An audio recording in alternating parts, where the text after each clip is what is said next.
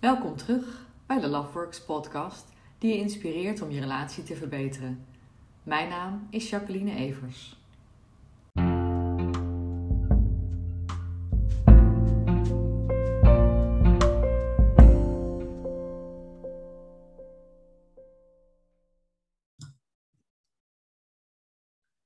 Als broer en zus. Jullie delen de zorg voor de kinderen, genieten van gezamenlijke uitstapjes, beleven beide plezier aan vakanties, aan avonden met familie en vrienden en steunen elkaar door dik en dun. Kortom, in vele opzichten is jullie relatie geslaagd. En toch knaagt er iets. Want tussen de lakens is het de laatste jaren wel erg kil. Wanneer hebben jullie eigenlijk voor het laatst seks gehad? Na alle eerlijkheid, je kan het je misschien niet eens meer herinneren. Seks op een laag pitje. Er is een oude Chinese wijsheid over seks die luidt: stop tijdens het eerste jaar van je huwelijk een boon in een pot voor elke keer dat je seks hebt. In de jaren die volgen haal je iedere keer dat je seks hebt gehad een boon uit de pot. De pot zou nooit leeg raken. Hier zit een kern van waarheid in. In het begin van je relatie kan je vaak niet van elkaar afblijven. Je voelt je tot elkaar aangetrokken en seks lijkt automatisch te gaan. Er is niks gecompliceerds aan. Op het moment dat je relatie langer duurt en er meer verantwoordelijkheden bij komen kijken, denk aan de zorg voor jonge kinderen, komt het seksleven bij veel stellen op een lager pitje te staan. Wat ik in mijn praktijk terughoor, is dat menig stel, zowel de man als de vrouw, daar een tijdje geen moeite mee heeft. Ze ervaren deze periode van gebroken nachten beide als pittig en zijn blij als ze s'avonds op bed liggen. Dit wordt vaak als een fase gezien. Nu even alle focus op de zorgtaken. Dat seksleven, dat komt later wel weer. En dan ontstaat er een patroon. Helaas zie je dat na zo'n periode zonder seks de draad niet zomaar wordt opgepikt. Ook niet als de kinderen al ouder zijn en er meer en tijd en energie voor elkaar is. En dat wil niet zeggen dat de seks nog steeds niet gemist wordt. Je kent de verhalen vast wel. Hij wil seks, maar haar hoofd staat er niet naar. En natuurlijk kan het net zo goed andersom zijn, dat zij toenadering zoekt, maar bij hem geen gehoor krijgt, waardoor ze zich afgewezen voelt en zich afvraagt of hij haar nog wel aantrekkelijk vindt. Hoe kun je dit patroon weer doorbreken? Openheid over jullie seksleven. Volgens onderzoek uit Psychologie Magazine in 2018 antwoordt 77% van de vrouwen op de vraag: wat doe je bij een periode van weinig seks? Dat ze er met haar partner over zal praten. 68% van de mannen denkt er net zo over. Ik denk dat openheid over je behoefte aan intimiteit, aanraking en seks een eerste moedige stap is. En wat ik verder zie, is dat veel vrouwen best wel weer seks willen, maar dan wel op een rustig tempo.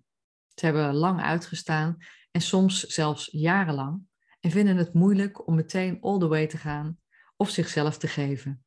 Best logisch. In een auto schakel je ook niet opeens van zijn 1 naar zijn 5. Dat is slecht voor je versnellingsbak. In een relatie werkt dat niet anders. Stel je maar eens voor wat er gebeurt als je jezelf voor een deel uit moet zetten of over je grenzen heen gaat op het moment dat je partner zijn zin krijgt. Dat wil je niet en dat heeft vaak als gevolg dat je als vrouw de muur alleen maar meer optrekt.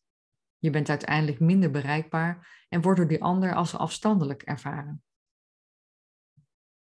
Stel jezelf open voor intimiteit. Ik hoor vrouwen soms ook zeggen dat ze letterlijk bevriezen onder de aanraking van hun partner. In veel gevallen komt dat omdat de aanraking te direct is. Menig vrouw is ook bang voor wat er komen gaat. Wat als ze ingaat op die knuffel of die zoen? Vertaalt haar partner dat dan meteen als het start zijn voor een wilde nacht? In dat geval draait ze zich liever om dan in te gaan op zijn avances. En waar het volgens mij om gaat, is dat je als stel je weer gaat openstellen voor intimiteit en dit langzaam opbouwt. Maak tijd voor elkaar, marcheer elkaar, raak elkaar aan, zonder dat het tot seks moet komen.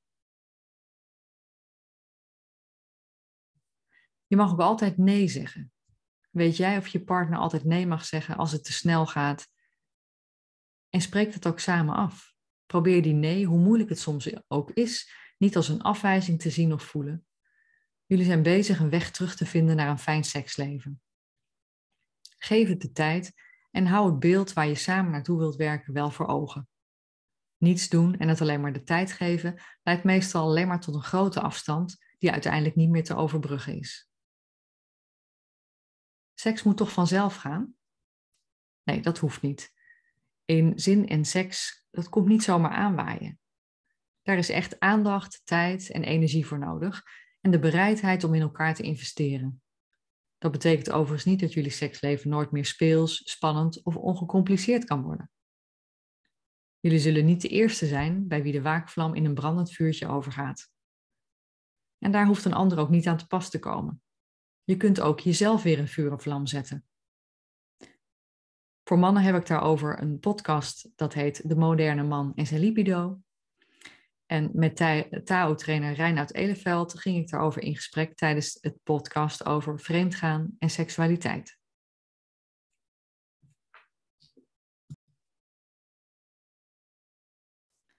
Mijn naam is Jacqueline Evers van Loveworks.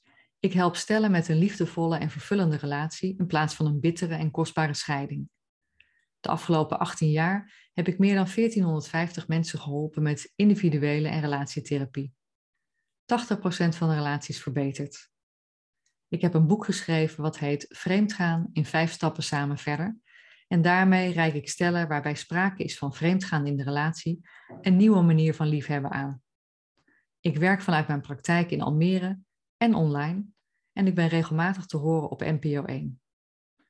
Daarnaast heb ik een YouTube-kanaal en daarop zet ik dagelijks korte video's waarin ik een probleem van de dag bespreek en tips geef hoe je daarmee om kunt gaan.